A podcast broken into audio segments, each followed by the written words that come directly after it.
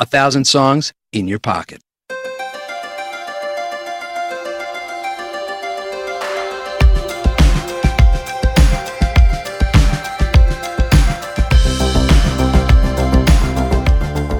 I denne uges udsendelse lytter vi til ny musik fra Julia Elinor, Kendrick Lamar og lidt ældre musik fra Natasha.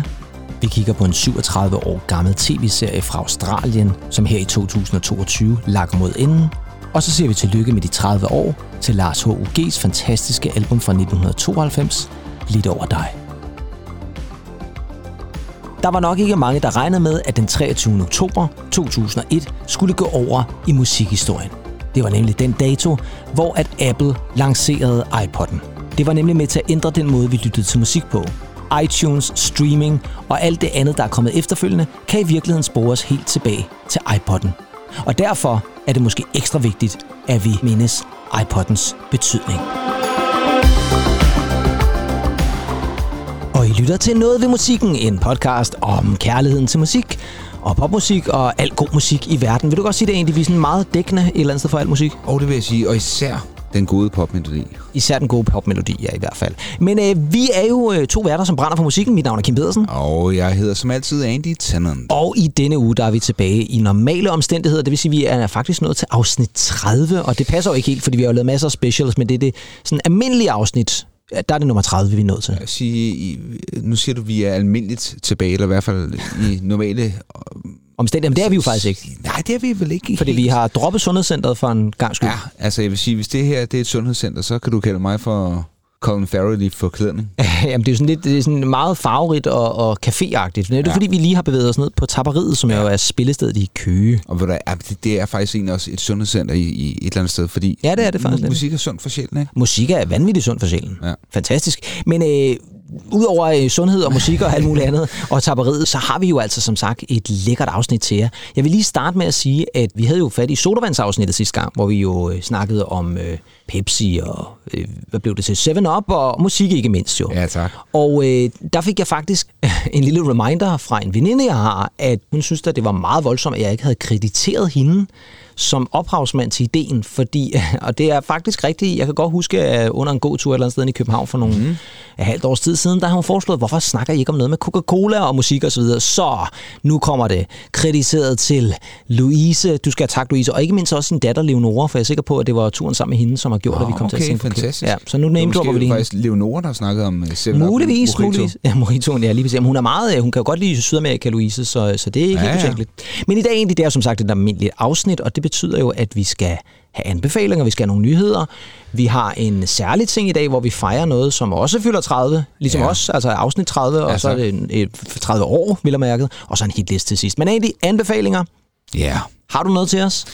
Jamen altså, jeg, jeg vil sige, øh, jeg er jo en, en gammel herre efterhånden. Ja, du har øh, rundet de 40 jo. Jeg har rundet de 40. Men, men den her uge har jeg faktisk ikke hørt sådan en ny musik i den forstand. Nej, men man kan godt sige, at vi, vi har jo haft mm. spotfestivaler, og det er jo det nye musik. Altså, ikke? jeg vil sige, der har jeg virkelig dykket ned i det, det katalog. Desværre var jeg ikke på spotfestival. Nej. Jeg blev fanget af en konfirmation. Ja, men det var en fantastisk. Du gik glip af rigtig meget. Ja. Ja, ja, du var derovre jo. Jo, det var jeg lige ja. præcis, ja. ja. Og oplevede mange gode ting, øh, blandt andet nogle af de ting, vi har anbefalet, men også noget andet, og det kommer jeg måske tilbage til. Mm. Mm. Du sendte et, et video klip til mig fra Prisma-koncerten. Ja, det gjorde jeg nemlig. Ja, ja. Altså mega fedt. Ja, men det var fedt. Det var super fedt. Og det var fedt man, de, altså, de to søstre der, de... De er fantastiske. Øh, og fedt at se dem live endelig. Det ja. har vi jo snakket om. Men ja. vi skal stadig igen ja. sammen med de. Sådan er det jo. Det bliver vi simpelthen nødt til. Ja, Konfirmation eller ej. Konfirmation eller ej. Men du er en ældre herre. Jeg er en ældre herre, og øh, ved du hvad den ældre herre godt kan lide? Nej. Han kan nok godt lide noget gug, gagu, gagu, gagu, gag, soka, soka rytmer. Ja, lige præcis. Det har jeg skulle lytte lidt til i den seneste tid, nemlig noget Natasha. Ja. God gamle Natasha. Hun er jo en af de der, altså man forstår godt, hvorfor hun, hun er blevet en legende, ikke? Altså lidt ja, ligesom ja, ja. Kurt Cobain, fordi man kan mærke, ligesom Kurt, at, at hun brænder så meget igennem, ja. som de gør. Ikke? Det, er øh, det, det, det, er jo, det er jo så hårene rejser sig. Mm-hmm. Og jeg vil sige, at nogle gange behøver man ikke være sådan inderlig fan af et eller andet, men, men hvis man hvis man kan bare kan høre, der er den her næve, den her ægthed, at det ikke er bare noget, de øh, sådan lige af, så rører det mig altså. Jo, og så vil jeg jo sige, at Natasha da hun jo så endelig slog igennem, fordi hun har jo været i musikbranchen i mange år. Hun var med på øh, Dr. Baker og sådan noget, ja, der tilbage i starten af 90'erne. det der No Name Request. Lige præcis huske. også, som ja. også var i 90'erne der, ikke? Men, men, men da hun så endelig slog igennem, så slog hun jo også et slag for reggae'en og sagde, reggae, den er ikke død. Altså, den, den, mange troede nærmest, at det var kun lige knacks, og så var det Ja, ligesom ja, det, præcis. ikke? Men hun fik den jo ligesom gjort populær igen. Og tak skal være farfar også, jo. Og takket være farfar også, som jeg også ja. var en. Jamen, der var faktisk en hel bølge af Big Stock og alt det der. Det Ja, var også meget reggae-orienteret. Men uh, Andy, du er jo gået tilbage til noget det aller, aller tidligste, sådan af Natasha, sådan rigtig solo-materiale. Faktisk der, hvor hun faktisk stadigvæk synger på engelsk. Lige præcis. Øh, og en plade jo, som blev genudgivet her på Record Store Day. Ja, den hedder Release, og den Ja. Kom her i sådan en special edition for første gang på vinyl, siden den ligesom blev udsendt der tilbage i, hvad var det, 2004 eller 5 eller sådan noget, ikke? Jeg tror faktisk, det var 2005. Ja, Og Jeg synes, vi skal, vi skal bare høre et nummer fra den. det skal vi da. Um, Og det er en, øh, ja, der er en featuring, hun har en gæst med på nummeret også. Ja, en, en Papa Dogan. Papa Dogan. Uh, Papa D Papa. D, det var det, sådan det var, ja. Øh, Papa Dogan er en anden. Et nummer, der hedder Lately. Ja, For en gang skyld synes jeg, at vi skal bare lytte til nummeret. det gør vi. Her kommer altså Natasha og Papa D, ikke Dogan, med Lately. It's Papa D alongside Natasha. Hey. So you want me red boy?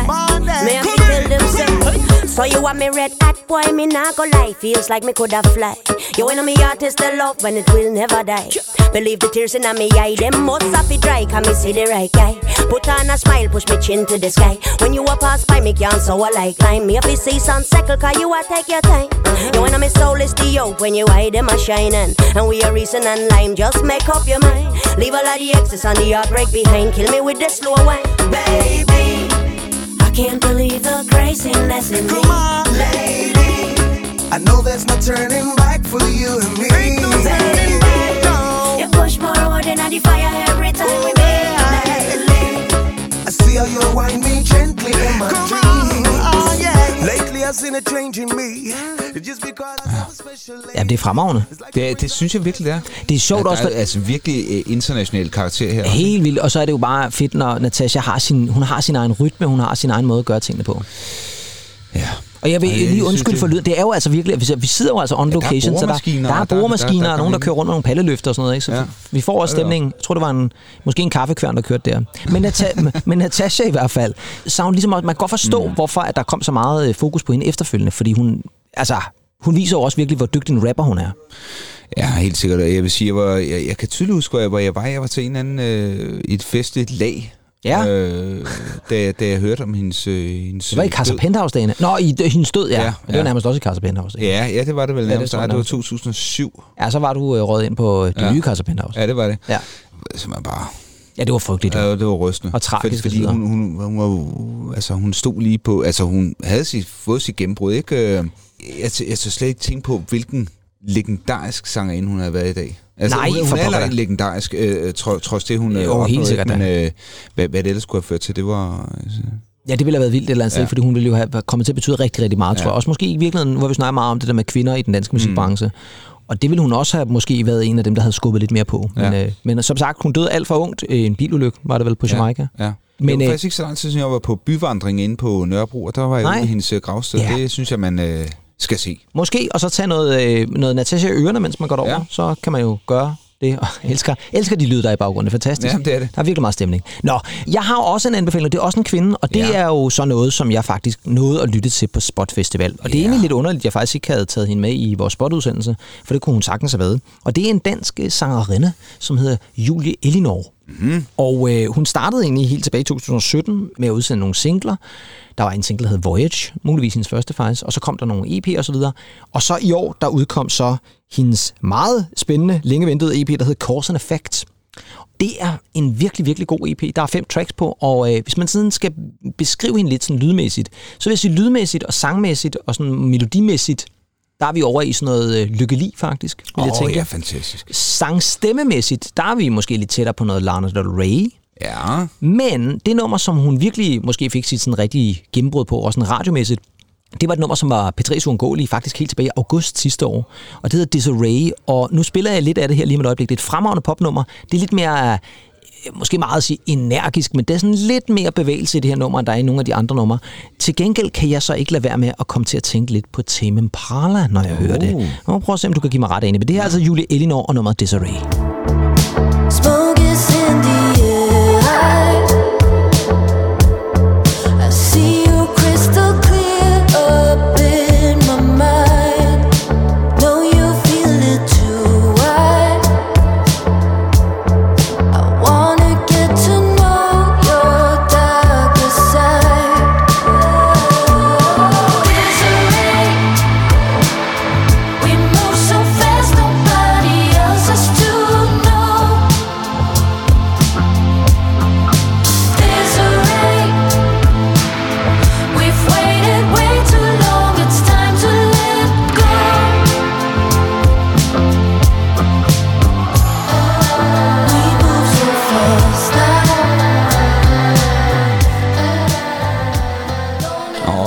virkelig. Det er fremragende, Altså ikke? den der baseline Ja, der. jeg tror også, det er bassen, der gør det, ikke? Bom, bom. Det er sådan meget Tim Parlers. Meget. Ja, men Jeg, jeg, synes, versmelodien Ja. meget øh, Lana Del Rey. Helt vildt, ja. ja. Og det er ligesom det der spektrum mellem Lana Del Rey og noget Lykke Li. Der er nogle Ja. af de lidt mere afdæmpede numre, hvor hun også bruger sådan noget akustisk guitar, som kommer til at minde lidt om det der øh, album, som jeg lige nu ikke kan huske, Wounded et eller andet, der kom fra Lykke Li, som er et fremragende album. Det er egentlig forfærdeligt, at jeg ikke kan huske, hvad det album hedder, men det er et fremragende album.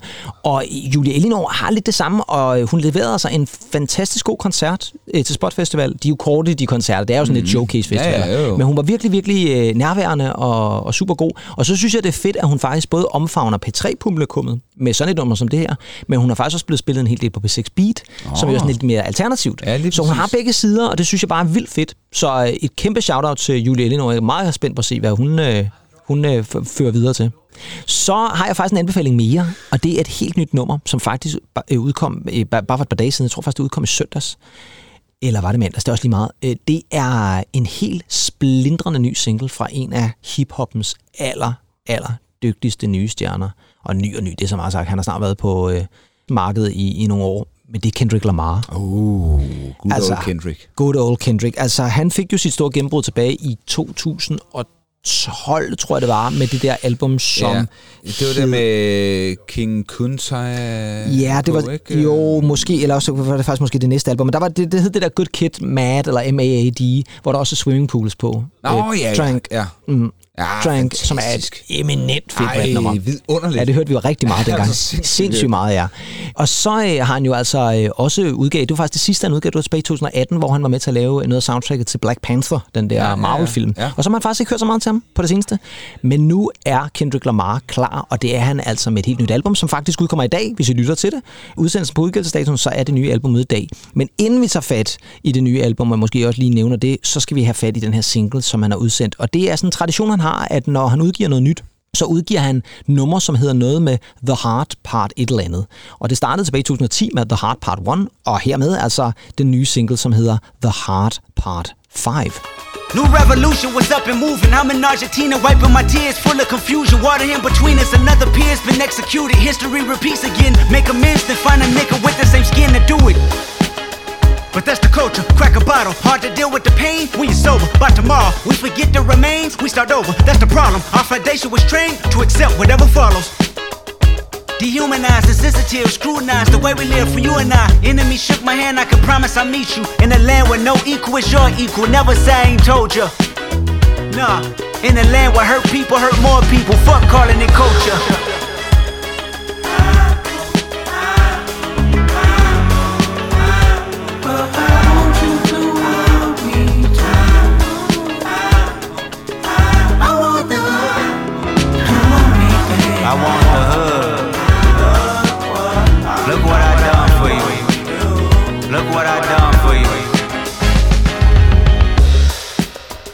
Take the drums out. Og så tager vi lige en dyb indånding.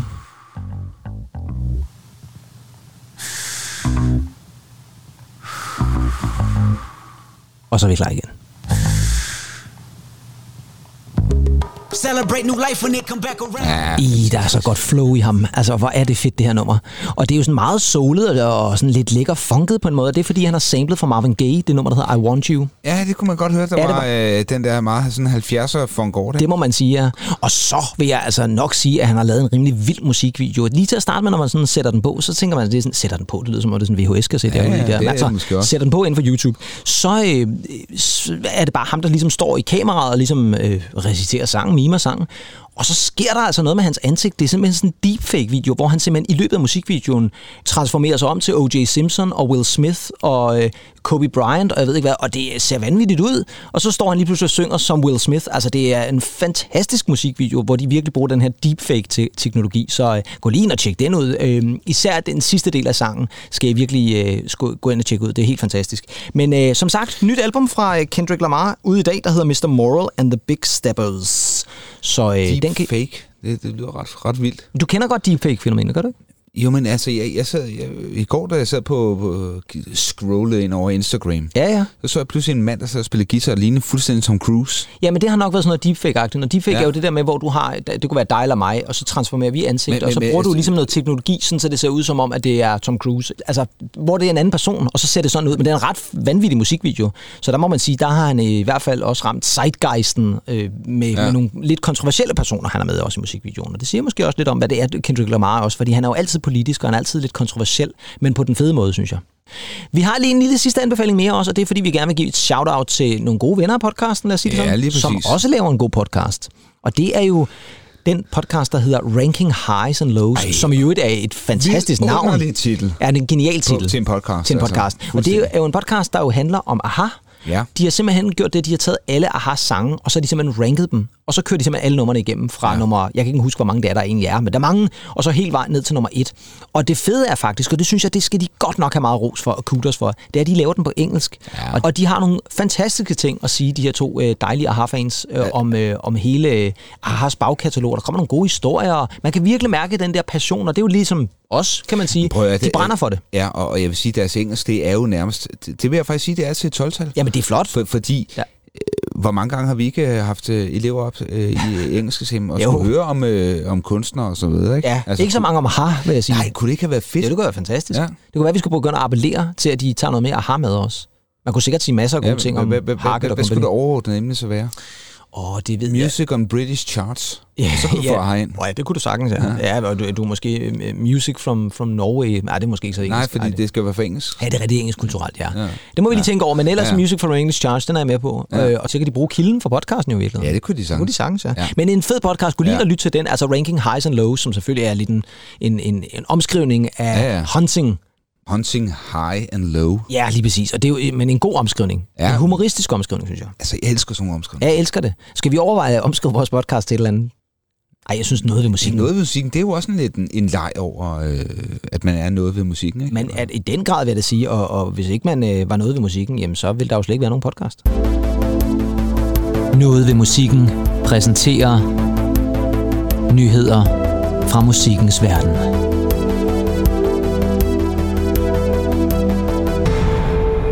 Ja, yeah.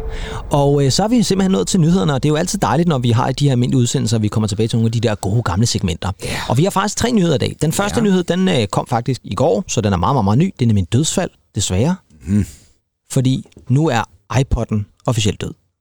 Nå, okay. Det, er- det er... Det er ikke... Ej, jeg kan huske iPod'en, ja. Ja, lige præcis. Apple har simpelthen valgt nu at droppe iPod'en, det vil sige, der bliver ikke lavet nye iPods. Nu kan man kun købe det, der er tilbage, resterende, og så bliver der ikke lavet flere. Og øh, kan, kan du huske, hvornår den udkom? Noget siger mig 2003. Ja, det er tæt på. 2001, og så var det faktisk den 23. oktober. Nå. Ja, ja. Ja, ja. Så da, Ja, du, kom- fyldte, kom da du fyldte 20 faktisk, der Ja, sådan kan du nærmest have fået efter. sådan en, en i fødselsdagsgave der. Ja. Ja. Kan du huske, hvad det var, jeg udtalte dengang oppe i Casa Penthouse Ja, omkring en du- iPod? Kom så med det. Jamen, jeg tror faktisk, var det ikke på restaurant Flintstones i, øh, i øh, Jernbanegade? Jo, Næstved? det har det sgu Du- nok du, været, ja. Du var rasende på Ja, jeg havde faktisk glemt, at der var noget, der hedder Restaurant Flintstones, men det er da rigtigt. rasende selvfølgelig godt. Ja, jeg, og jeg var rasende. Jeg var rasende. Du var rasende. Fordi jeg er jo, jeg er jo den Men gamle du- skole, ikke? Du, du, ja, men du, du, Hvorfor du, var jeg du- rasende? Du, du, hvorfor var du egentlig rasende? Du, du rasede fuldstændig mod Apple, og jeg synes, det var øh, især iPod'en også. ja, forfærdeligt med, med, med, med, med streaming, og, og de ejede der. Og streaming var, streaming var jo ikke på det tidspunkt, trods alt. Nej, men, men, 2001 jo. Nej, men altså, nej, det var sgu nok i syv, der raser du igen. Ja, der raser ikke. Jeg tager mine raserier anfald en gang imellem. Ja. Men dengang, der havde det jo rigtig meget at gøre med det der med, at når man havde fester og sådan nogle ting, og så, så var der jo CD'er, og man tog CD'erne med Ja. og så videre. Og det der med at skulle være DJ, og så bare sidde med sådan en, en, Ja, ja, en, en, en, en telefon med, med drej, drejknappen der, ikke? Ja, lige præcis. Og det synes jeg bare var latterligt et eller andet sted, ikke? Men, men øh, altså, vi er jo altid til, vi bruger den jo faktisk nu, kan man Ja, sige. ja. En iPhone til at spille musikken igennem her. Så, Jeg husker så, med bartenderen Bo, nede Ja. fra øh, ved værtshuset Seps i Næstved. ja, ja, ja. Han var en af de første, der, der sådan havde sådan en iPod der i barn, så kunne man gå op og scrolle lidt på det der. Er det rigtigt? Det kan jeg ja, ja. huske.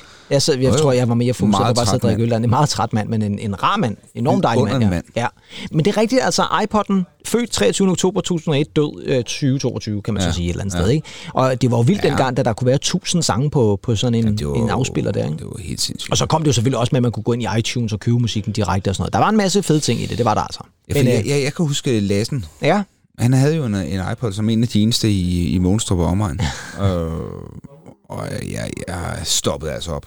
Ja, ja. Da han, da han trak den op af tasken. Det er klart. Det har altså, været- Det var, det var respekt. Det var jo, det var jo et, et, et våben. Det var et, et musikalsk våben. Et meget musikalsk våben. Ja, ikke? og så mistede man, så, så var man cool. Så var man noget ved musikken, hvis man ret rundt med sådan en. og sådan, Den har grad, ja. ja.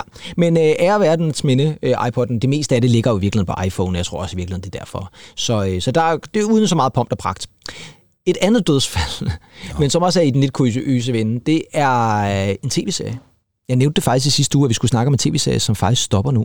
Og det er noget som en historie, som faktisk kom ud øh, for noget tid siden, og så var der nogen, der sagde, ja, ja, men det passer jo ikke. Så er der nogle andre, der overtager den, og sådan det. Men det er faktisk nu endegyldigt slut for en tv-serie, som var, har været meget populær. Måske ikke så meget på danske breddegrader, mm. men det har den andre steder i verden. Og nu spiller jeg lige der temaet til den egentlig, så må du se, om du kan høre, hvad det er.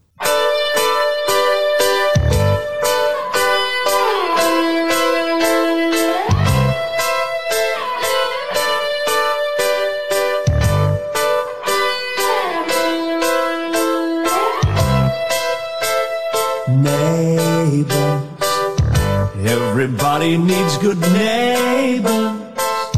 Just a friendly wave each morning helps to make a better day. Neighbors need to get to know each other. Next door is only a footstep away. Jamen, så bliver det da ikke bedre, var. Yes, Neighbors, den australske ja, ja, ja. sitcom. Nej, sitcom var det vel ikke. Det var vel sådan Nej, en... det var, øh, sådan en, var det ikke øh, Australiens svar på Madsen og Company eller sådan noget? Jo, og så var det jo sådan en, det var jo sådan en af de der, hvor der er lavet, der er faktisk lavet, det helt sindssygt jo, altså, men der er jo faktisk lavet så mange afsnit af Neighbors, at jeg tænker, hvis man skulle have dem alle sammen på DVD, så vil man jo fylde en, en større penthouse-lejlighed med det, men der er 9.000 episoder. Hold da kæft. Ja, det er sådan en lidt Days of Our Lives, øh, Ja, ja. glamour, bare ja. på australsk, ikke? Men det altså handler om det her lille neighborhood i Australien, hvor folk jo altså bliver gift og kender hinanden og kommer ind og får kaffe og sådan nogle ting og sager. Startede Kan- tilbage i kan- kan- 1985. Og det kan man simpelthen fylde 9.000 episoder med. Ja, det kan man altså Men åbenbart. der var ikke drama af mor. Jo, jo, jo, selvfølgelig. Det har der sikkert også været. Der sikkert ja. også været noget kult. Det var meget populært i 90'erne der, ikke? Ja. Men øh, den blev født, om man så må sige, i 85, og så er den altså ved at afgå ved døden her i 2022. Den stopper vist til så juni. Altså 37 år har den kørt. Det er vanvittigt. Hvor- Hvordan har, øh, det er jo også spændende hvordan har naboskabet ændret sig? Ja, måske et eller andet sted. Der er naboer, der er gået bort. Der er naboer, der Ja, ja, ja. kommer til et eller andet sted. Måske har der været øh, snak over hækken og sådan noget. Ja, Ja, ja. Altså, der kan være mange øh, dilemmaer. Jeg kan huske, øh, der var et afsnit i midten af 90'erne, hvor Chris Lowe fra Shop Boys dukkede op i en bil, fordi han leder efter et pladestudie. Men det var simpelthen, fordi Shop Boys var på turné i Australien på det tidspunkt. Og så er han simpelthen bare med i et afsnit. Han vil gerne være med, så han, han kommer, kommer kørende i en vild bil. Men grunden til, at jeg har taget det med, og det er jo ikke bare, fordi vi skal snakke om Neighbors, det er jo også fordi, at øh, Neighbors har faktisk været med til at skabe en masse musikstjerner. Og hvis man nu skulle have glemt, hvem det er, så kommer der her en lille reminder.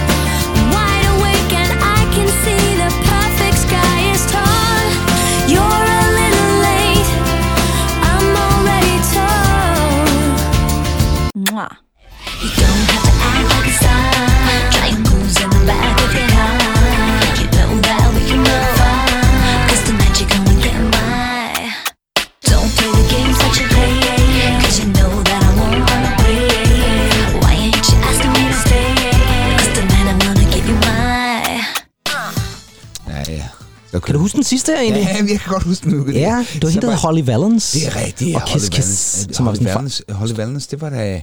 Nej, nej, jeg, jeg, kom lige, jeg kom lige bare lige til at tænke på Danny Minogue.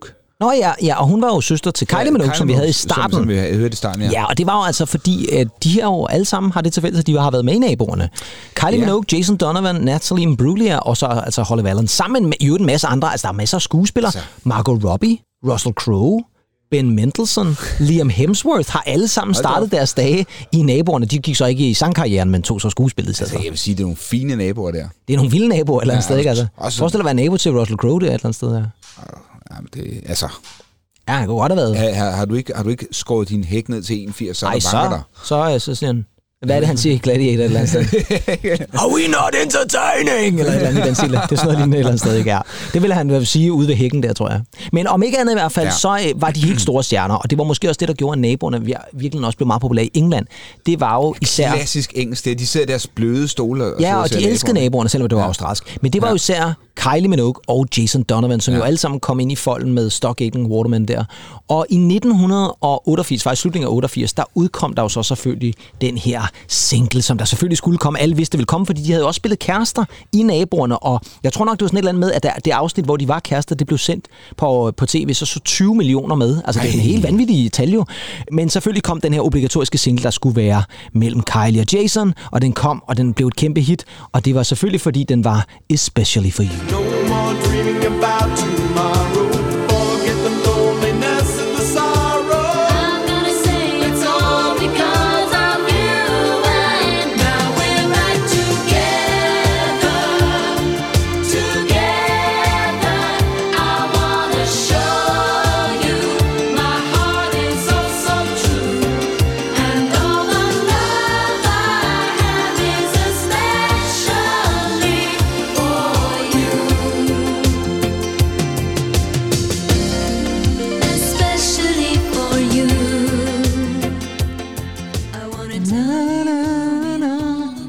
Kæmpe, kæmpe Ej, hit. nej, det er sgu dejligt nummer. Det er et glimrende nummer. Den var faktisk med på vores Eurochart Hot 100 også, da vi var gennem Ja, ja, ja. ja. 89. Ja, ja, hvis man lyttede godt efter. Jeg synes, der er en sødme over det her par. Ja, det er i den grad. Og det var også derfor, det var så en naturligt. Rar, en rar mand også, Jason Donovan. Meget rar mand, ja. Ja. Jeg har jo altid sammenlignet lidt dig med Jason Donovan. Ja, hvis jeg kommer hjem fra øh, solrig fra solrig ferie, lige præcis, ja. Men øh, det var altså øh, dem, som i virkeligheden også gjorde meget for naboerne, tror jeg. Altså ikke bare naboerne, Og men, men naboskabet. og naboskabet også i virkeligheden. Så øh, naboerne er altså desværre nu det sidste, og øh, det faktisk det fede er, at det aller sidste afsnit, der så bliver sendt af naboerne, som er vist er midten af juni, der er der i hvert fald gæsteoptrædener fra både Kylie Minogue og Jason Donovan. De vender simpelthen tilbage og er med for første gang i, ja, det må så nærmest være 30 år eller sådan noget. ikke? Så det bliver meget, sikkert meget hyggeligt at se. Sikkert, om de rammer 20 millioner igen, det kan jeg så ikke sige, men uh, må det ikke det nok bliver en af de der tror meget set Ja, jeg tror, det bliver en af... Ej, ikke en mest sete episoder, men jeg tror, det er noget meget... øh, Der står Roots, der er det tilbage fra 80'erne eller meget. Ja. Det er altid den mest sete, tror jeg, de stadig siger. En eller anden mærkelig oversæt. Det er altid Roots. Ja, eller MASH eller sådan noget. Nå, øh, den sidste lille nyhed, det er en meget, meget lille nyhed, men det er bare fordi, jeg synes et eller andet sted, den bare var så sjov. Øh, eller sjov, ved jeg ikke, om den var, men den er, det er bare sådan et eller andet ting, hvor ja, selvfølgelig. Fordi, øh, har du lagt mærke til, hvem der i søndags faktisk spillede en koncert nede i en metro i Kiev? Øh, det må vel næsten være... Jason Donovan og... Paul, nej, det var det. Paul Hewson. Det var det Også nemlig. kendt som Bono. Ja, kan du huske, hvad The Edge hedder egentlig? Ah, Fordi han var også med, vil jeg så lige sige. Det kan Ja. jeg faktisk ikke huske, hvad. Nej, men han er altså bare helt Han er bare The Edge, ja. Men det var simpelthen Bono og The Edge, der var dukket op øh, i metroen nede i Kiev og spillede et nummer, i øvrigt Ja. med en øh, ukrainsk musiker, der hedder Taras Dobolia, som også er med i et band, der hedder Antitilia. Og øh, et eller andet sted, da jeg læste den nyhed, så Det tænker er så jeg, meget YouTube. jamen det er helt vildt. Ja. Ja. Det kunne nærmest ikke være andre, Nej, nej. der kunne finde på sådan noget Og altså der. en metro der. Og så en metro, så præcis. Ja, Ja, ja. ja. Ikke? Altså, det er klassisk YouTube. Ja. Ja. Altså, der skal være det Ja, over ja. det et eller andet Ja. sted. Ikke? Men fint, de gør det, og jeg synes også, det er fedt, at det ikke kun er verdensledere, der dukker op i uh, Kiev, men også Paul Hewson og The Edge. Ja, og, og de to andre er som sædvanligt bare... Ja, Mullen og Clayton, ja. Ja. de er blevet hjemme. De har ja. Ja. måske lavet en tema til den næste Mission Impossible. Eller sådan noget. kæft, det er typisk det, de gør, når, når de to andre Ja, er, de er stukket af. der. Ja. Nu er det blevet tid til, at vi skal sige tillykke til noget, der fylder 30.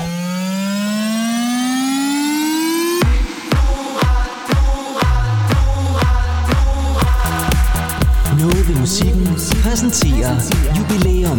jubilæum. Tillykke Ja, det er nemlig i endnu en gang blevet tid til at sige tillykke, Andy. Ja. Og øh, vi skal jo sige tillykke til en musiker, som vi faktisk virkelig holder meget af. Og det har altid slået os lidt, når vi, når vi nogle gange kommer til at snakke om vedkommende, at vi har nævnt ham forbløffende lidt i noget af musikken. Og og især når man tænker på, hvor meget vi egentlig kan lide ham. Især også, fordi han har et vidunderligt efternavn, nemlig Hogensen. Ja, ja, lige præcis. Han hedder faktisk Hogensen. Det der med navnet kommer vi faktisk lidt tilbage til, men det vi selvfølgelig skal sige tillykke til, det er Lars Hug, eller Lars H.U.G., Ja. som øh, i 1992, helt præcis den 25. maj 1992, udgav albummet Blidt over dig. Ja. Han har jo, altså, helt tilbage fra den gang med Cliché, de startede der tilbage i 77, mm-hmm. og lavede jo to fantastiske albums. Den ene af dem, som i øvrigt er i kulturkanonen, da den kom i sin tid. Og så lavede han jo det der, øh, hvad hedder det, City Slang med Søren Ulrik Thomsen digte. Ja. Ja. Og så kom der det album med Elsker dig for evigt, Kysser himlen farvel hed det. Så han har jo lavet masser af ting, der kom kopialbummet også. Altså, han har jo lavet rigtig mange ting, men grunden til, at vi lige falder over det her, det er simpelthen, fordi det var måske så der, hvor han også blev sådan rigtig folkelig. Altså sådan virkelig, hvor folk også sagde, okay, ved du hvad, det kan sgu godt være, der er noget før i tiden kliché, og det der Søren Ulrik det var da noget underligt noget. Ja, ja. Lige pludselig så var Lars Hug alle, Om og han- hele Danmarks Lars Hug. Han, ja, og han, man vil sige, han bliver vel endnu mere øh, folkelig også med øh, kopi-album, eller Jamen, der det er det. Kopi, eller hvad det hedder. Ja, det hedder kopy eller copy, men Ja. som er stadig med K, ikke? Ja. Men som jo er i virkeligheden coverversioner, eller Ja. ja. en, hans fortolkninger af, af nogle gamle altså, numre, ikke? Gustav Winklers øh, nummer der. Gustav Winkler, det er jo den klassiske, ja. og, og der er også, han laver faktisk kvindemin, og han tager dansevise. Også, dansevise lige præcis, ikke? Så, så det er et, et, en, en kunstner, som virkelig er meget, meget dygtig til at tage de der numre og fortolke dem på hans egen måde. Det vender vi jo også tilbage til på det her album. Men lad os starte med noget musik egentlig, fordi øh, glansnummeret for det album, det er det nummer, der åbner albummet. Det er et af de bedste danske numre, der er skrevet. Ja, det vil jeg også sige. Ja, det vil jeg sige. Ja, det vil jeg og, også og sige. det er øh, vel det, man kan kalde for en evergreen, eller en evergreen, hvis man endelig skal sige det, selvom det altid har sådan et negativ, negativ klang. Men det her, det er simpelthen et fantastisk godt popnummer, og første single for albumet, og det hedder selvfølgelig Natsværmer. Er du dig selv? Hvad er dit navn? Hvad gør du her? Spørger jeg tyst Ligger for din fod Hvem er du egentlig?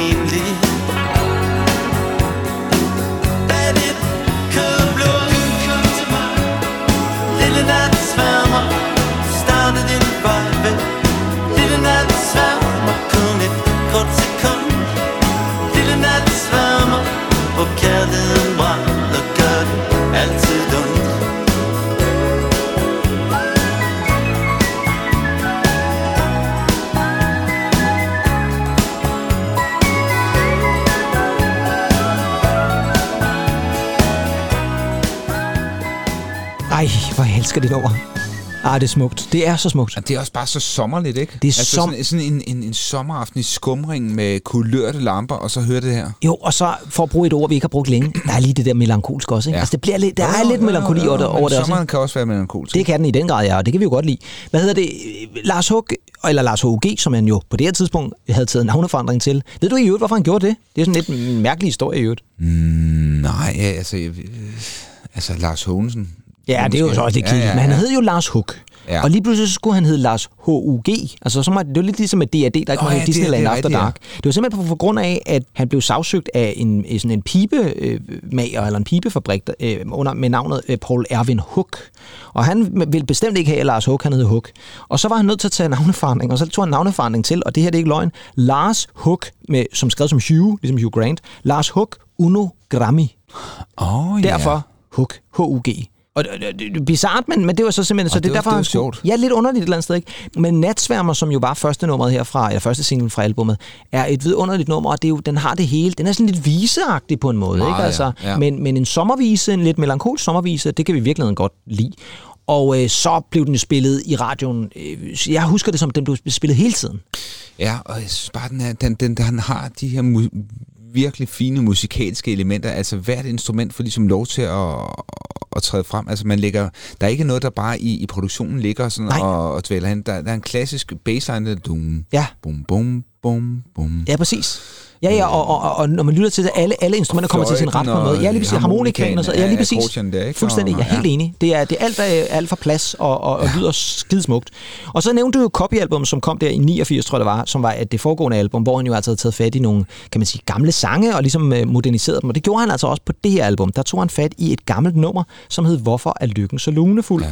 Og øh, det er skrevet af tekstmæssigt af en, der hedder Carl Viggo Meinke. Og øh, det, som Lars Hug gjorde, det var, at han beholdt teksten. Til gengæld lavede han en anden melodi, og så havde han lige pludselig en anden klassiker, altså Lars H.U.G. Hvorfor er lykken så lunefuld? Alt hvad jeg har i er du gemt Det har du ganske glemt Og hvorfor er lykken så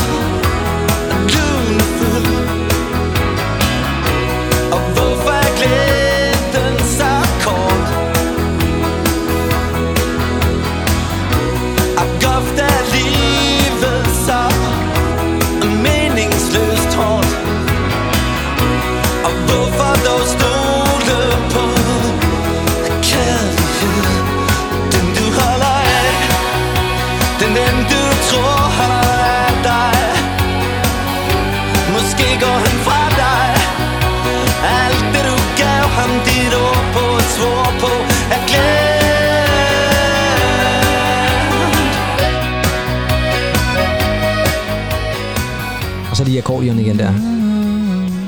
Jamen, hvor er, det, hvor er det bare et godt nummer, det her et eller andet sted. Og det er jo vildt, at han selv har bare lige lavet melodien et eller andet sted der selv. Der er lige en ny melodi. spændende melodi også. Spændende melodi, og der er nærmest to omkvæd i den Ja, et eller andet ja, sted. ja, der, der, ja, men det er fantastisk. Jamen, det er vidunderligt. Kæft, Det er godt. virkelig, virkelig godt nummer, det her. Og øh, igen, også et nummer, der blev spillet rigtig meget i radioen. Og, øh, ja, og, det, og det, lige op det, som du siger det der med, fordi det tror jeg faktisk måske er en af de ting, som folk nogle gange havde det lidt svært med, det var den måde, som Lars Hug synger på. Altså, han har lidt den der lidt sjove måde at ligesom slutte ordene. Ja, ja, Altså, ja, ja, ja, ja. Altså, sådan knækker meget Jeg i det. knækker Men, meget i Der er det. jo ingen, der synger som Lars Nej, overhovedet ikke. Han er jo fuldstændig sin egen, og har den der meget karakteristiske stemme, og det er også derfor, han er så tydelig, når man hører ham på, øh, hvad hedder den, Afrika, hvor han også lige dukker op der og synger Ja, meget præcis, Lars, Lars. H.U.G'sk der. Men Blidt over dig blev faktisk også et kæmpe stort hit, har jo solgt øh, rigtig mange eksemplarer, gik nummer et på den danske albumliste. Og det er altså et album, som er rigtig, rigtig meget poppet, det er lækkert, det er meget mm. Lars Hug-agtigt, men det er måske også hans første, hvor han den virkelig kan mærke, at han hviler i sig selv. Og han bliver lidt mere folkelig. Og det er altså ikke ens betydende med, at der ikke er numre, som også er virkelig lejende og interessante, blandt andet på et andet nummer fra albummet, som hedder September. Og det starter lidt jazzy. Så er det sådan en nette, Ja, ja. nattetime der, ikke? Og så sker der lidt.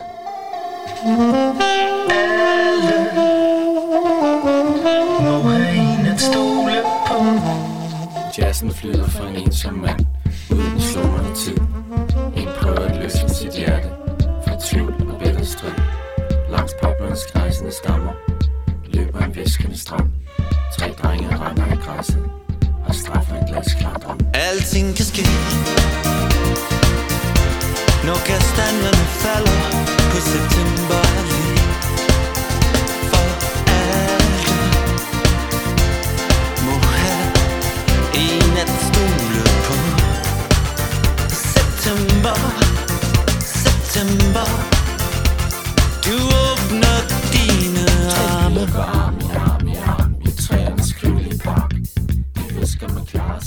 Det er sådan lidt Niels Brandt-agtigt. Ja, meget, ja. Og venter på en, som Det er, sådan meget, det er meget mærke. Det her det er et virkelig, virkelig interessant og spøjs nummer, men det er, er er noget- fremragende. Jamen, der, er, der er sådan et... Øh, sådan noget early 90s poetry slang. Jamen, det er nærmest poetry slam Ja, et eller andet sted. ja. Ikke? Altså, nu havde han jo city slang, men Ja, så ja, kan vi jo så gå videre. Han har jo altid været god til at tage fat i digte og poesi. Og så, Og så meget house lige Ja, pludselig. ja, lige præcis. Det bliver sådan lidt havser Ja. ja. med, med, med klaveret og sådan noget. Ja, Ja, lige præcis. Og det her nummer, det slutter nemlig sådan en, nærmest en, en lang sådan, uh, September, og så den kører bare derude Ja, af sådan ja. en improviseret instrumental øh, udgave nærmest sidst.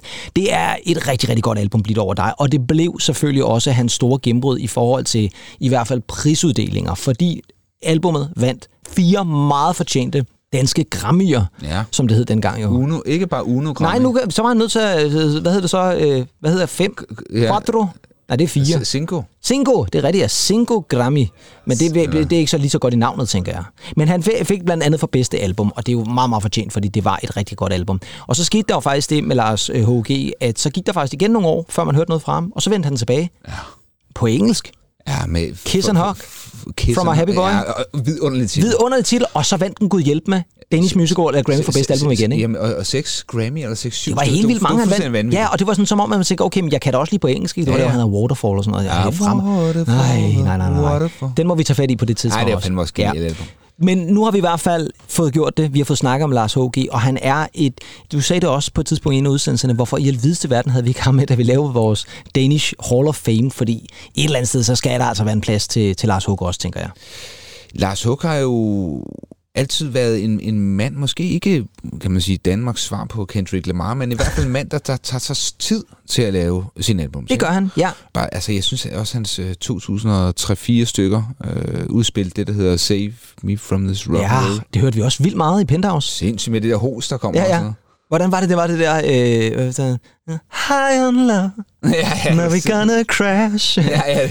Ja, så, ja, det- det- ham, der hoster i baggrunden der, ja. Jeg tror nok, Tim Christensen faktisk spiller øh, bas på det album. Gør han det? Jamen, ja. det er fremragende. Det er Ja, også ja, et rigtig, rigtig dejligt album, ja. ja. han spiller stadigvæk rigtig meget live, så hvis I kan spotte ham ude i sommeren, så Ja. gå ud og opleve natsværmer. Rigtig sommermand. En sommermand, ja, lige præcis. Nu skal vi til noget andet, som ikke har så meget med sommer at gøre, men øh, alligevel peger lidt derhen, fordi vi skal selvfølgelig have fat i en hitliste. Uh. Hitlister fra fortiden. Og øh, som jeg sagde sidste uge, og det var du lidt øh, ked af egentlig, fordi du jo øh, synes, at så skulle vi ly- lytte til Deep Blue Something, eller hvad der var. så skal vi altså fat i fra 1996. Ja. Og det var jo et udmærket år, synes jeg. Ja, jamen, jeg, det, Jeg ved ikke, hvorfor du lige pludselig var så øh, tvivlsom over for det. Jeg, jeg ved ikke rigtig. Hvad foregår der? Jo, altså... Jo, hvad, jeg prøver lige igen. Jeg gør lige det. Fordi i 1996, der er jeg faktisk i praktik på musikredaktionen inde på BT. Ja, ja. Dengang man... Øh, Det var der, hvor du øh, Kunne få hang ud med Peter Andre og alt det der. ja, det er rigtigt, ja. Ja. Periode, hvor jeg hører meget Counting Crows. Ja. Øhm, Det er der ikke så meget af på hitlisten, vi skal have fat i, kan jeg så love. Men øh, der er masser af andet godt. Ja. Og vi skal jo have fat i en hitliste fra helt præcis 11. maj. Uh. Men vi bliver i Danmark. Så det er Ja. den danske single hitliste. I rigtig mange af vores tidligere udsendelser, der har vi jo kigget rigtig meget på England. Og englænderne har altså også lidt en, en speciel musiksmag. Og der må man sige, der går danskerne nogle gange lidt en anden vej. For eksempel var femtepladsen her den 11. maj 1996 ikke et nummer, som på den måde gjorde sig øh, så godt i England. Den var på hitlisten, men det var ikke en, der blev et kæmpe hit, lad os bare sige det sådan. Det er en kunstner, som øh, er tysk, og så er der allerede nogen, der tænker, er vi så ude i et eller andet Eurodance igen? Ja, det er vi. Mm-hmm. Det er der, vi er, og vi skal en tur ind i militæret egentlig. Det er noget med at gøre honør, og det gør vi sammen med Captain Jack Åh oh, ja, Captain Jack. og Captain Jack. Ayo, Captain Jack. Ayo, Captain Jack. Bring me back to the railroad track. Bring me back to the railroad track. Run into the railroad track, run along with Captain Jack. Run into the peace camp back, run along with Captain Jack. time.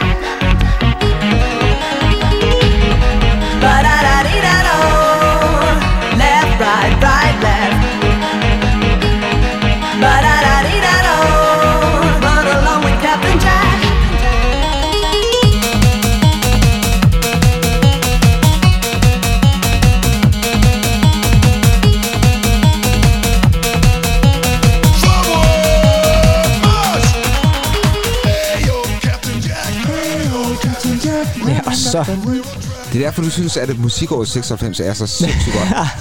Måske ikke lige på grund af det her nummer, vil jeg sige. Men uh, det her, det var i hvert fald et nummer, som var meget, meget stort hit i Danmark. Captain Jack. Med Captain Jack. Der er et eller andet med over de her harpsichord-keyboard, der Ja, kommer ind. Som om, ja. at der er nogen, Det er lille, lille, lille, lille, ja. som om, der er nogen, der lytter ved, ved drengeværelset oppe i Blåstrød hos øh, Claus Norén og Søren Rasted. Ja, lidt faktisk, Ja, ja. Men den her er jo fra 96. Ja, jeg ved det godt. Så det kan jo godt være, at det Ja, har været sådan... det har også det været, været- inden, inden de rød. Det har været Norén, der har været en tur dernede måske i virkeligheden, ja. Ja. Ja, måske. Men, øh, det var dengang, de lavede den der mærkelige øh, Peter, eller hvad hedder den, Peter Edderkop-sang i stedet for Ja. Aqua, altså. Nå, hvad hedder det så ikke? Captain Jack. Men øh, Captain Jack var jo øh, altså en amerikaner, som øh, jo øh, var udstationeret øh, militært i Tyskland. Og så øh, ja, startede han jo bare en musikkarriere på den måde. Men til dem af jer, som lyttede til vores afsnit med Absolute Let's Dance 6, så fandt de jo hurtigt ud af, at øh, når vi har at gøre med tysk Eurodance med amerikanske sanger, så synger de jo ikke selv. Så det gør Captain Jack selvfølgelig heller ikke. Nej, nej. Det var bare en skuespiller i øh, et fint militærkostume. Øh, ham, der synger er en, der hedder Markus Ball, eller Ball, eller et eller andet. Det er altså ham, der råber alle de her kommandoer. Det var... Øh, ja, det gør han jo et eller andet sted. Det, øh, det var, øh, den blev udgivet i 95, men var altså også et hit ind i 96. Og så desværre ham, som hed Frankie G, som var ham, der ligesom spillede ham her, den råbende kommandør. Han døde i 2005 af et hjertetilfælde. Han var ikke så gammel. Måske er råbe. Måske Så, råbe. så, mange, så mange kommandoer der, ikke? Jamen, det er også irriterende at være på rejse med, at man hele tiden står dernede og, og dikterer en anden, ja, sådan en turistguide.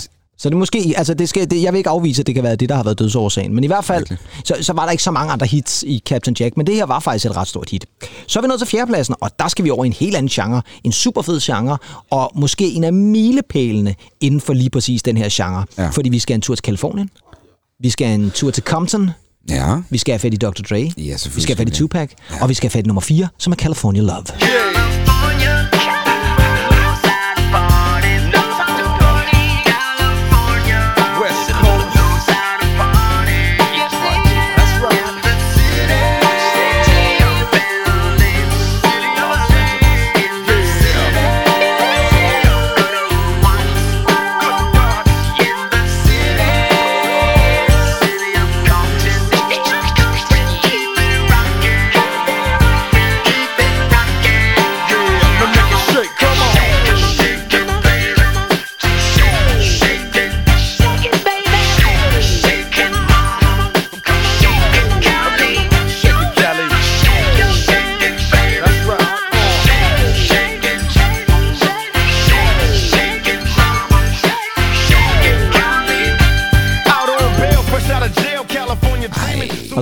kom Tupac lige og spille også. Dalen, der var det godt. Jamen, det er et fedt nummer, det der. Jeg elsker West Coast rap. Helt vildt. Ja, Og jeg jeg, kan også godt lide Jys. Ja, ja, men East Coast, West Coast. Jeg vil sige det sådan, på det her tidspunkt, der tilbage i 96, der var jeg måske ikke så hiphop-orienteret, men jeg, var, i- jeg, jeg gik i en klasse, hvor der virkelig blev hørt meget forskellig musik. Der var nogen, der hørte sådan noget her, hiphop, og det synes jeg jo var vildt spændende. Der var nogen, der hørte Eurodance, måske Captain Jack. Der var også nogen, der hørte uh, Smashing Pumpkins og TLC og sådan noget. Det var alt muligt. altså, det var virkelig... Det, det var med 90'erne. Ja, det var det. Det var lidt af det hele. Altså, jeg kunne høre dødsmetal og Michael Learns to Rap på samme tid. Det Ja, og så måske råbe en, en, en ordre af Captain Jack også Ja. efterfølgende et eller andet sted. Men Nå. uh, Tupac, Dr. Dre, California Love, er du enig i, at det her det ligesom er en milepæl inden for Ja, det rapmusik? det. Og det er bare så mega, mega fedt produceret. Ja, helt vildt. Hold nu Helt kæft, mand, hvor det godt. Ja, der findes en anden version, tror jeg nok, på Tupacs eget album, som er lidt anderledes, og der er nogen, der faktisk synes, at den er bedre. Men ja, for mig er det her, det er klassikeren. Altså, jeg, jeg husker altså også øh, året 96, eller er det måske først 97, dem der hed Black Street. Jeg ja, det er 6 eller 97, det er rigtigt. Var- var det No Diggity. Ja, lige præcis. Ja, lige præcis. Ja, men det er sådan noget lignende, for jeg kan huske den fra 9. klasse, og det var Ja. sådan 6 eller 97 det omkring. Ja. Ikke? Så, så Der, ja, der er også sådan, øh, den der øh, West Coast. ja, det er der helt sikkert, ja. Det var så lidt Nej. mere, jeg synes at måske, det var så lidt mere R&B'et på en måde. Ja, det var måske ja. nok, ja. Men i hvert fald en meget, meget populær fjerdeplads. På tredjepladsen, der har vi en anden kunstner, som var sindssygt populær. Det var ellers på trods af, at det måske faktisk kun var det her hit, som sådan blev rigtig, rigtig stort. Men der var rigtig mange, der gik ud og købte albummet, og der var rigtig mange, der var på fornavn med hende. Hun hed Johan. Johan? Ja, simpelthen. Hun var amerikaner. Johan? Osborne. Åh, oh, ja. Og i 1996, der var hun selvfølgelig allesteds nærværende med det her, der hedder One of Us. Yeah, yeah, God is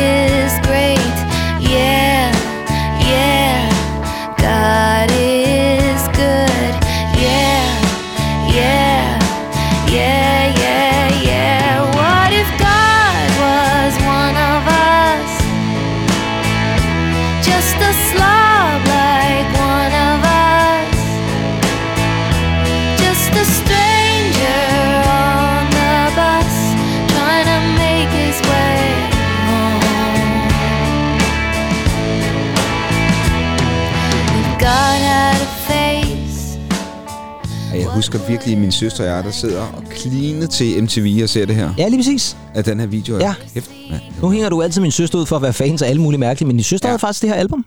Jamen, det tror jeg faktisk også, min søster måske havde, eller havde hun singlen. Ja, det var i hvert fald, jeg er rimelig sikker på, at hun havde albummet. Og øh, det var et stort hit, det hed Relish. Jeg ved, om det er opkaldt efter sådan en tomat relish eller sådan noget. Ja, det kan godt være, Ja, men, det kan men godt være. også meget kontroversielt. Man kan jo nærmest sige, hun er Altså jo... tomat relishen eller bare ja, nummeret? altså nummer, ikke? Ja. Altså meget kritiseret i bibelske kredse i Ja, det USA. er lige før, det nærmest bliver blasfemisk, ikke? Det er lige før, man kan faktisk sidestille øh, Joan Osborne med sådan en amerikansk version af vores egen Torkild Gråsbøl. Ham, der er ude at sige, at Ja. ja. han ikke troede, Han ikke på, troede på Gud, ja. på og det evige liv. Ja, men det her, det var altså et kæmpe stort hit, og hun var altså Grammy-nomineret til bedste sang, og det her album var altså Grammy-nomineret til bedste album. Hun var kæmpe stor, men så kom der vel ikke så meget. Hun er stadigvæk aktiv, men jeg kan ikke øh, nynne andre numre af Joan det kan Osborne. jeg faktisk egentlig heller ikke. Altså, Eller Torkel Gråsbøl, for den sags skyld. Nej, det, det var hans litterære værker. Der er nogle gode bøger for ham. Ja, jamen ved du, at vi giver gerne, gerne et shout-out til, til ham også, øh, litterært i hvert fald, måske ikke så meget musikalsk. På anden pladsen, der ja. er vi så nået til en kunstner, som i virkeligheden var med til at skabe en helt ny genre. Fordi igen, Eurodancen var meget, meget stor, men der begyndte også at komme andre elektroniske genrer. Vi var lidt inde på det, da vi havde vores remix-afsnit mm. fra 90'erne. Og øh, vi skal en tur til Italien. Ja, vi skal fat i en mand, som hedder Roberto Concina. Altså, det var hans borgerlige navn. Ja, ja. Som kunstner, Ja, der hed han noget, der var lidt mere britisk. Han hed nemlig Robert Miles, Ja, tak. og han havde kæmpe stor succes med det her nummer, der hedder Children.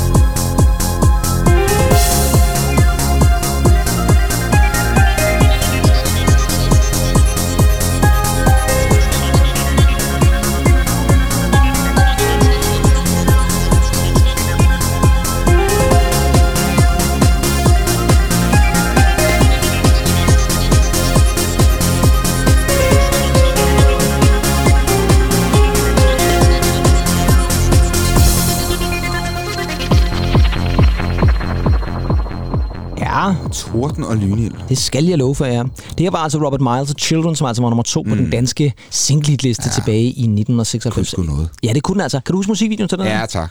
Det er det lille barn, der Ja, sidder i, ja, i sådan en sort, sort-hvid og en bil øh, ud af en landvej. ikke? kigger ud af vinduet ja, i Det, det passer bare super godt. passer vildt godt til musikken. Og det var altså, som jeg sagde, han var med til at skabe en ny genre, som vel egentlig hed Dream House eller Ja. Dream Trance. Men det der drømmende piano, der blev lagt ind over sådan Ja. et, et lidt hardcore beat, Ja. det blev altså meget populært. Den her single udkom oprindeligt i 1995, og så langsomt, langsomt, langsomt kom den mere og mere ind på klubberne. Den blev spillet på rigtig mange underground clubs, og så var det til sidst den DJ, som var ved at starte op på det tidspunkt, der hed Pete Tong, som jo er en af Oh, verdens ja. største DJ's Ja, i dag, som tre uger i træk i hans program valgte at gøre den til The Essential Tune in the World. Altså tre uger i træk, det plejer man slet ikke at gøre, man plejer kun at have en uge. Men han gjorde det altså tre uger i træk, og til sidst var der nærmest kamp fra pladeselskaberne om, hvem der skulle have lov til at udgive det i England. Og selvfølgelig blev det udgivet, og selvfølgelig blev det et kæmpe stort hit. Den nåede kun ind som nummer to på den britiske single Ja, okay. Men det var stadigvæk et meget, meget stort hit. Han havde også et, øh, han udgav et, et ret øh, succesfuldt øh, album, Enormt, ikke? enormt. Og, og hele den der genre ja. Ja. med Dreamhouse, det var der altså mange, der tog op efterfølgende. Han var faktisk, og er vist nok stadigvæk, en af de få italienere, som har vundet en Brit Award. Han vandt simpelthen en Brit Award for bedste International Male Musician, eller sådan noget lignende, dengang der tilbage i 96. Og det- Så, så, så det er ikke, det er, det er der altså ikke særlig mange, der har. Eros Ramazzotti har altså aldrig Nej, gjort det. nej, Han har nej. aldrig været så stor i England, vil jeg så sige. Ej, han har været kæmpe i Danmark. Enormt. Og det her nummer var altså også meget, meget, meget populært i Danmark. Desværre, øh, Robert Miles døde for et par år tilbage. For fem år siden, tilbage i 2017. Ikke så gammel jo. Øh, jeg har noget kraftsygdom, tror jeg. Så, Nå. så, men altså en musiker, der har solgt millioner af plader, Ja. og som sagt var med til at skabe en ny genre. Og ved I hvad? Den genre er også til stede på nummer et. Og der vil jeg faktisk gå så langt som at sige, Uh. jeg tror, at den her single, som ligger nummer et på den danske single hit liste, den er simpelthen direkte inspireret af Robert Miles. Mm. Fordi Robert Miles nummer udkom jo oprindeligt i 95, og det er altså den samme udgave, som så stadigvæk blev spillet i 96. Det må den her kunstner have hørt. Og hvorfor tænker jeg så det? Det tænker jeg, fordi den her kunstner er også italiener. Og øh, der i øh, 1995-96 stykker, der var, øh, nu snakker vi jo Neighbors tidligere, der var der en anden tv-serie, som var gigantisk. Den kørte tirsdag aften på TV2, og vi skulle efter nyhederne, så det var sent om aftenen. Men så kunne man jo passende slukke lyset, og sammen med mm. Dana Scully og Fox Ja, tak. Mulder sidde og gyse til X-Files. Og det kom der et tema ud af, og det er ikke det, vi skal spille, fordi der kom en coverversion af temaet, nærmest samtidig med, at temaet blev udgivet som single. Faktisk ligger det oprindelige tema nummer 10 på den her salgshitliste, men nummer 1, der ligger så Dreamhouse-versionen af det. Det her, det er selvfølgelig DJ Dado og X-Files.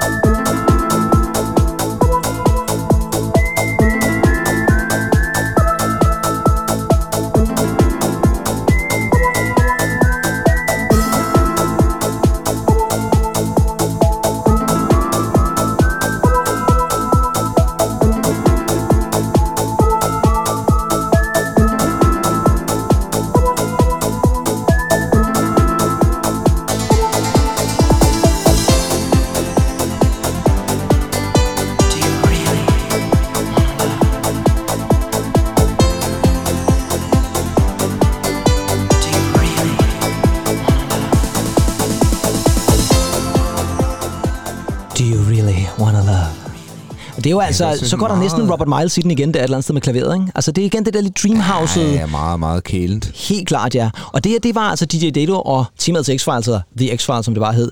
Og øh, det er lidt sjovt, fordi det her, den her version med DJ Dato var et kæmpestort hit i Danmark, men var det eneste sted i Europa, hvor den faktisk gik nummer et. Hvorimod at Mark Snow, altså ham, der havde lavet det oprindelige Ja, ja, ja. tema, hans version var faktisk større i resten af Europa. Ja. Ja. Så jeg ved ikke lige, hvorfor, men øh, det, er ikke så overraskende, at danskerne godt kunne lide den der version til Ja, det. det, det er så meget, meget, Meget dansk meget, meget dansk. Ja, det er det faktisk sådan, ja. sådan fadøl og tramp. Og Trump, eller hvad siger du, eller Mike Tramp? og en date med Mark Tramp, måske. Det er virkeligheden. meget tramp op Ja. i, i Stenløse, eller hvad? Ja, måske i virkeligheden, ja. En date med Mike Tramp i Stenløse. Og måske til, til, til en X-Files eller andet sted. Tror du, Mike Tramp han ville have set X-Files dengang i 5-96 stykker? Han er øh, så meget et publikum, tror jeg. Ja, det tror jeg helt sikkert også, ja. Altså, Ja. han har siddet der og, og hæppet på, ja. på, på Dana og Fox. Altså, home-afsnittet, ikke? Ja, og, om, Kan- kan du huske det? Ja, ja, om jeg kan huske det. Det var, det, det var dig, der lige... Ja, det var det øh, nemlig, Der, ja. der sagde til mig, prøv lige, at- prøv lige at gense det. Ja, ja, det var det nemlig. Jamen, Og så, jeg har stadig på nettet. Det jo, jo, og, og især det der nummer, der bliver brugt under med de der, hvor de kører rundt i den åbne convertible der. ikke? Det nummer der, det er, giver mareridt. Ja, det er frygteligt. Måske også til Mike Tramp.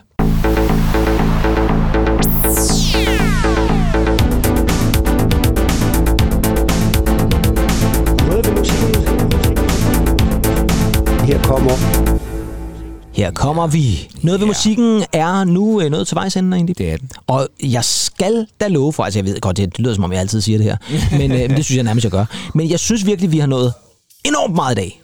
Jeg på, det, det, det, jeg synes, det, jeg føler, det er gået Og der hurtigt. står en time nede på, på uret her lige nu, og der er sikkert måske kottet lidt af, men Ja, nok ikke så ja, meget. ja, nej. Jeg synes, vi har været rimelig skarpe i dag. Det synes jeg egentlig Ja, også. det synes jeg faktisk også. Men vi har også været omkring øh, både noget Natasha, noget øh, Julie Elinor, også noget andet Elinor, Ja, tak. og øh, Mike Tramp, og øh, folk, der råber, ja. kommandoer, og Torkild Gråsbøl. Torgild Gråsbøl, og ikke mindst Lars H.O.G.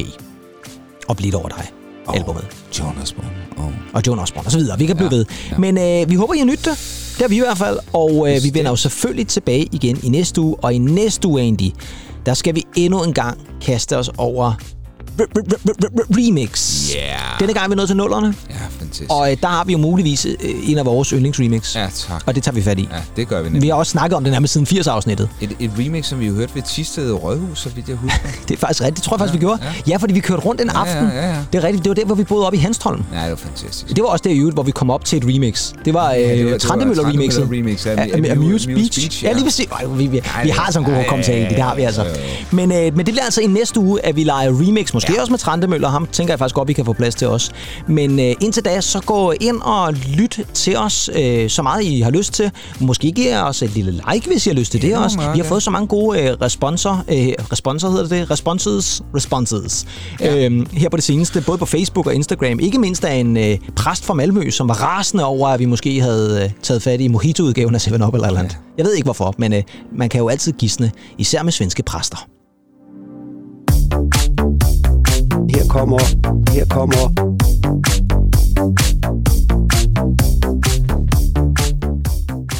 Men indtil at vi høres ved igen i næste uge, så må I jo have det rigtig godt. Og I har jo selvfølgelig, ligesom altid, været i selskab med mig, Kim Pedersen. Og mig, som hedder Andy Tennant. Det gør du nemlig. Og vi vender altså tilbage igen næste uge med dejlige remix fra nullerne. Indtil da, lyt til rigtig meget musik. Pas godt på jer selv. Nyd vejret.